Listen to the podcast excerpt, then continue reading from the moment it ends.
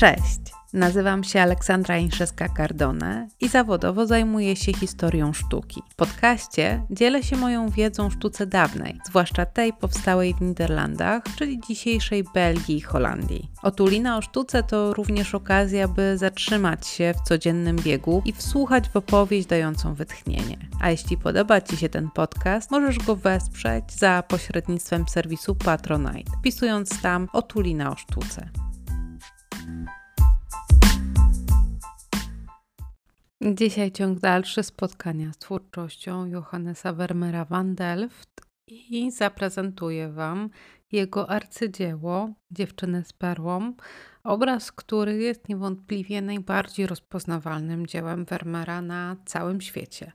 Ale co ciekawe, nie zawsze tak było. Tytuł obrazu w zasadzie ustanowił się dopiero w XX wieku, jak to często z tytułami dawnych obrazów bywa, bo to, do czego my jesteśmy dzisiaj przyzwyczajeni, jest często wypadkową opisu e, dzieła i tytułu, który dopiero w czasie się konstytuował, ponieważ artyści dzieł dawnych po prostu nie nadawali im żadnych tytułów. Dziewczyna z perłą określana jest jako Mona Lisa holenderska. Dzieło, które fascynuje wielu, ale jak wspominałam, nie zawsze tak było. Dzieło w zasadzie pojawiło się w takiej publicznej świadomości dopiero w 1881 roku, kiedy to na aukcji w Hadze zostało zakupione przez kolekcjonera Destomba za niewielką kwotę dwóch guldenów i 30 centów. Przy czym te 30 centów to była opłata aukcyjna. Gdybyśmy mieli przełożyć tą kwotę na dzisiejsze realia, to byłoby to 24 euro. Więc możecie sobie wyobrazić, jak e, niewielkie znaczenie, czy też niewielką wartość przywiązywano wówczas do tego przedstawienia, ale też e, należy pamiętać, że nie rozpoznano w nim ani dzieła Vermeera, ani bardzo wartościowego dzieła, ponieważ było ono dosyć takie zabrudzone. Werniks był przyciemniony, jak to często bywa z dziełami, które wiele przeszły i po prostu nie były poddawane żadnej konserwacji. Ale ten rok 1881 rokowej aukcji był przełomowy dla dziewczyny z perłą, ponieważ szybko zyskała ona uwagę ówczesnego dyrektora Maurits Heuss, czyli takiego bardzo ważnego muzeum w Hadze, Abrahama Brediusa, który rozpoznał w niej wartościowe dzieło, a być może właśnie nawet dzieło Jana Vermeera. I tak się składa, że mm, na tyle to wzbudziło w nim zachwyt to dzieło, że sam kolekcjoner zdecydował się zapisać je właśnie w swoim testamencie Muzeum Maurits Heuss, gdzie dzisiaj możemy je oglądać. I ten fakt miał miejsce w 1903 roku, to znaczy obraz przeszedł na własność Maurits Heuss. Na pewno zastanawiacie się teraz, jak to się stało, że dzieło, które było kupione za naprawdę niewielką kwotę, w XX wieku tak szybko wybuchło jako w zasadzie najpiękniejsze i najważniejsze dzieło w Holandii, bo dziewczyna z perłą wygrała taki plebiscyt właśnie e, holenderski na najpiękniejszy obraz w Niderlandach w 2006 roku.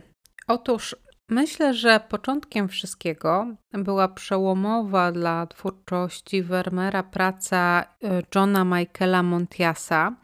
Vermeer and His Milieu, A Web of Social History, e, która została opublikowana w 1989 roku. I to była taka praca archiwalna, która w różnych zapiskach znalezionych w archiwach holenderskich odnajdywała, odzyskiwała informacje o Johanie Vermeerze van Delft. I na fali tego, oczywiście to było fascynujące dla ówczesnych badaczy, też bardzo ułatwiające pracę historykom sztuki, którzy nie wszyscy są archiwistami, bo możecie sobie wyobrazić, że jest to bardzo żmudna praca, i po prostu wymagająca też zainteresowania, przegrzebywaniem archiwów, i nie wszyscy mogą nawet sobie na to pozwolić. Natomiast na fali też tego, tej publikacji, dosyć szybko zorganizowana została wystawa e, łącznie w Waszyngtonie i w Mauritshuis w Hadze. Ona miała miejsce w latach 1995-1996, gdzie pokazanych było aż 21 obrazów e, artysty Vermeera i nazywała się po prostu Johannes Vermeer. To była też jedna z pierwszych wystaw, które można określić mianem blockbusterów, ponieważ ustawiały się kolejki na nią. Ludzie rzeczywiście bardzo byli ciekawi prac tego niezwykłego artysty. Tutaj też nie, nie można się dziwić Amerykanom, zwłaszcza, ponieważ większość tych prac jednak znajduje się w Europie. I zapewne jednym z efektów tej wystawy mogła być książka Tracy Chevalier, czyli Dziewczyna z perłą, która została wydana w 1999 roku, a później w 2003 powstał film będący ekranizacją tej powieści. E, oczywiście bardzo mocno podbijający popularność samego obrazu Dziewczyny z perłą. E, w tym filmie główne role grali Colin Firth i Scarlett Johansson, co oczywiście też dodawało mm, splendoru samemu obrazowi. Jeszcze tutaj warto wspomnieć, że w międzyczasie w 2001 roku też miała miejsce kolejna wystawa retrospekcyjna, tym razem Vermeer i Szkoła Delft, e, która była zorganizowana przez e, Metropolitan Museum of Art w Nowym Jorku razem z National Gallery w Londynie. Więc jak widzicie, postać Vermeera od tych lat w zasadzie 90. do dzisiaj cały czas zyskiwała na takiej popularności, ale w zasadzie tym dziełem, które najbardziej przebijało się do tej powszechnej świadomości, była właśnie dziewczyna z perłą, o której dzisiaj w końcu chcę Wam opowiedzieć. Kiedy patrzymy na ten obraz, ciężko jest zrozumieć tak do końca, czym on jest. No bo chcielibyśmy w nim widzieć portret. Patrzymy w oczy takiej łagodnie uśmiechniętej, czy może raczej zamyślonej młodej kobiety. I podziwiamy też zdolność artysty do oddawania takiego lekko rozmglonego kolorytu jej skóry, i też poszczególne elementy jej stroju oddane są z wyjątkową wrażliwością Vermeera na efekty wizualne. Ale odwrotnie do tego, jak sugeruje e, autorka owa Tracy Chevalier w, w swojej książce, wskazując na to, że jest to portret czy też przedstawienie konkretnej osoby, też związanej z jakimś takim emocjonalnym stosunkiem artysty do niej, to historycy sztuki widzą w tym obrazie coś, co nazywamy troni.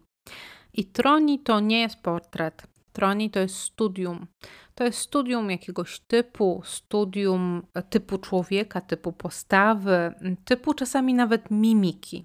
I takim wielkim mistrzem owych troni był Rembrandt, który w latach 30. XVII wieku wyprodukował bardzo dużo takich przedstawień. Często on sam był bohaterem, gdzie studiował właśnie swój wyraz twarzy, studiował siebie samego w różnych nakryciach głowy, w różnych strojach. I to nie były do końca jego autoportrety. To były takie studia, które on później mógł wykorzystać w innych kompozycjach, albo po prostu kształcił swój warsztat w ten sposób. Nie tylko siebie zresztą tak przedstawiał, bo przedstawiał też inne postaci, które później mogły być właśnie wykorzystywane w jego innych kompozycjach. Na pewno jest to taka też praca i dla ręki artysty, ale i dla jego wyobraźni. I w zasadzie bardzo podobnie jest z dziewczyną z perłą, ponieważ ona nie jest ubrana tak, jakbyśmy spodziewali się tego po dziewczynie XVII-wiecznej. Niezależnie od tego, jakiego byłaby stanu społecznego, to znaczy, czy byłaby córką bogatej rodziny, czy może służącą, tak jak tutaj chciałaby to sugerować owa autorka powieści. Jej strój sugeruje raczej e, nawiązania do takich wschodnich strojów, bliskowschodnich. Niektórzy określają to jako strój turecki. Na głowie ma zawój składający się z dwóch różnych tkanin o dwóch różnych kolorach. Natomiast e, jej mm, szata, no tutaj ona jest taka dosyć schematycznie oddana. Nie, nie jesteśmy w stanie do końca powiedzieć, jak ona wygląda. Tutaj też nie było to artysty zamiarem, żeby jakoś bardzo ją uszczegóławiać. I mamy jeszcze ową perłę. Perłę, która nadaje tytuł temu dziełu, ale też perłę, która zdaje się być całkowicie fikcyjna, ponieważ taka perła byłaby niezwykłą rzadkością i ona w sumie nie ma prawa istnieć w naturze, bo ona jest olbrzymia. I tutaj historycy sztuki mają też swoje teorie. Jedna jest taka, że perła po prostu była wytworem fantazji samego artysty, znaczy jej rozmiar, taka, żeby uzyskać odpowiedni efekt kompozycyjny, na jakim mu zależało, a inni wskazują, że to nie jest tak do końca perła, tylko imitacja perły wykonana w szkle odpowiednio przygotowanym, odpowiednio wypolerowanym, która właśnie na takim obrazie imituje efekt perły.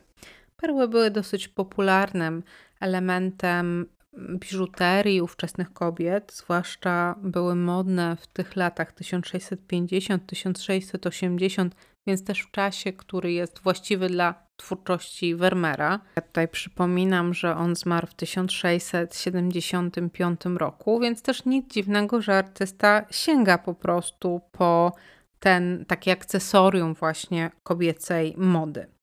Jednak tym, co jest chyba takie najciekawsze i najważniejsze w tym dziele, to jest popis artystycznych umiejętności Vermeera jako malarza i jako też artysty, który świetnie rozumie światło potrafi oddawać jego efekty w malarskiej materii, różnicując też technikę malarską do poszczególnych partii, w zależności od tego, jaki efekt chciał osiągnąć. Kiedy przyjrzymy się owej dziewczynie z perłą, to spogląda ona na nas z jakiegoś ciemnego pomieszczenia, bo to tło, na którym jest ukazane, jest takie kontrastujące z jej jasną postacią, a artysta bardzo sprawnie pokazuje te efekty właśnie takiego ciepłego, łagodnego światła padającego na jej twarz. Ona ma taką zamgloną, lekko miękkość w sobie, a jednocześnie, jak przyjrzymy się jej ustom, lekko rozchylonym, to artysta też kilkoma dotknięciami pędzla nadaje tym ustom efekt takiej wilgotności. I to w wielu miejscach tego obrazu jest zauważalne, że zaledwie kilka dotknięć wystarczy, by za pomocą farby stworzyć iluzję, nadać taką prawdę tym przedmiotom, które są ukazywane, i tak też jest w przypadku tej tytułowej perły, bo ona też jest bardzo oszczędnie namalowana. Ona nie jest jakoś wycyzelowana, nie jest jakoś precyzyjnie namalowana. Kilka dotknięć, które my patrząc z odpowiedniego dystansu szybko interpretujemy właśnie jako perłę. Ale też, jeżeli przyjrzycie się temu dziełu z bliska, Możecie to zrobić również za sprawą zdjęcia, które jest opublikowane na stronie Maurits House.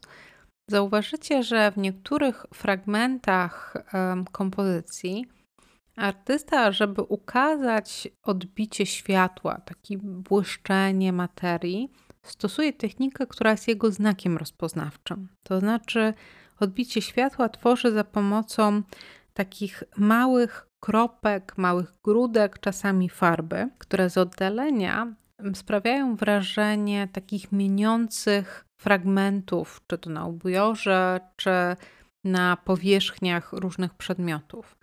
I to też jest wynalazkiem, czy też właśnie pewną specyfiką techniki Vermeera, który tworzy wręcz takie poematy na temat światła. I Dziewczyna z perłą niewątpliwie jest przykładem właśnie takiej jego twórczości, w której artysta daje świadectwo zarówno zrozumienia dla ludzkiej natury, ludzkiej psychiki, jak i dla niezwykłej mocy sztuki w oddawaniu właśnie tej rzeczywistości. Oczywiście postacią, która pozowała mu do tego studium, do tego troni, musiała być konkretna osoba. Kto wie, może nawet była to służąca w domu, a może to była jego córka, jedno z jedenaściorga dzieci, które artysta miał. Natomiast, tak jak wspominałam, nie to jest najważniejsze. W tym wypadku nie mamy informacji o tej osobie i nie ona jest najważniejsza. Najważniejszy jest efekt malarski, który artysta osiąga poprzez to studium. Nie wiemy, dla kogo to dzieło powstało, chociaż uważam, że raczej powstało po prostu dla samego artysty, jako taka wprawka ale później było najprawdopodobniej w kolekcji Petera Van Ruywena, który również pojawia się na kartach książki Tracy Chevalier jako taki mm, krwiopijca, kolekcjoner, który chce zawładnąć kolekcją Vermeera. Żadne materiały źródłowe nie wskazują na to, że tak to wyglądało. Z materiałów archiwalnych wiadomo jednak, że posiadał on w swojej kolekcji 21 obrazów Vermeera, a pośród nich najprawdopodobniej była właśnie owa dziewczyna z perłą. Van Ruyven był kolekcjonerem, ale i patrycjuszem, czyli dysponował znacznym majątkiem. Nic dziwnego zatem, że zgromadził znaczny zbiór obrazów artysty, którego podziwiał i ewidentnie jego dzieła mu się podobały. A nam pozostaje albo pojechać do Amsterdamu, gdzie do 30 marca będzie można oglądać dziewczynę z perłą w połączeniu ze wszystkimi dziełami, które udało się wypożyczyć na wystawę w Rijksmuseum – albo po tym terminie można po prostu odwiedzić Hagę i Mauritshuis, gdzie znajduje się kilka obrazów Vermeera, a pośród nich właśnie dziewczyna z perłą. Bardzo jestem ciekawa, czy wybieracie się na tą wystawę. Dajcie proszę znać w komentarzach, a ja żegnam się dzisiaj z Wami i do usłyszenia w przyszłym tygodniu.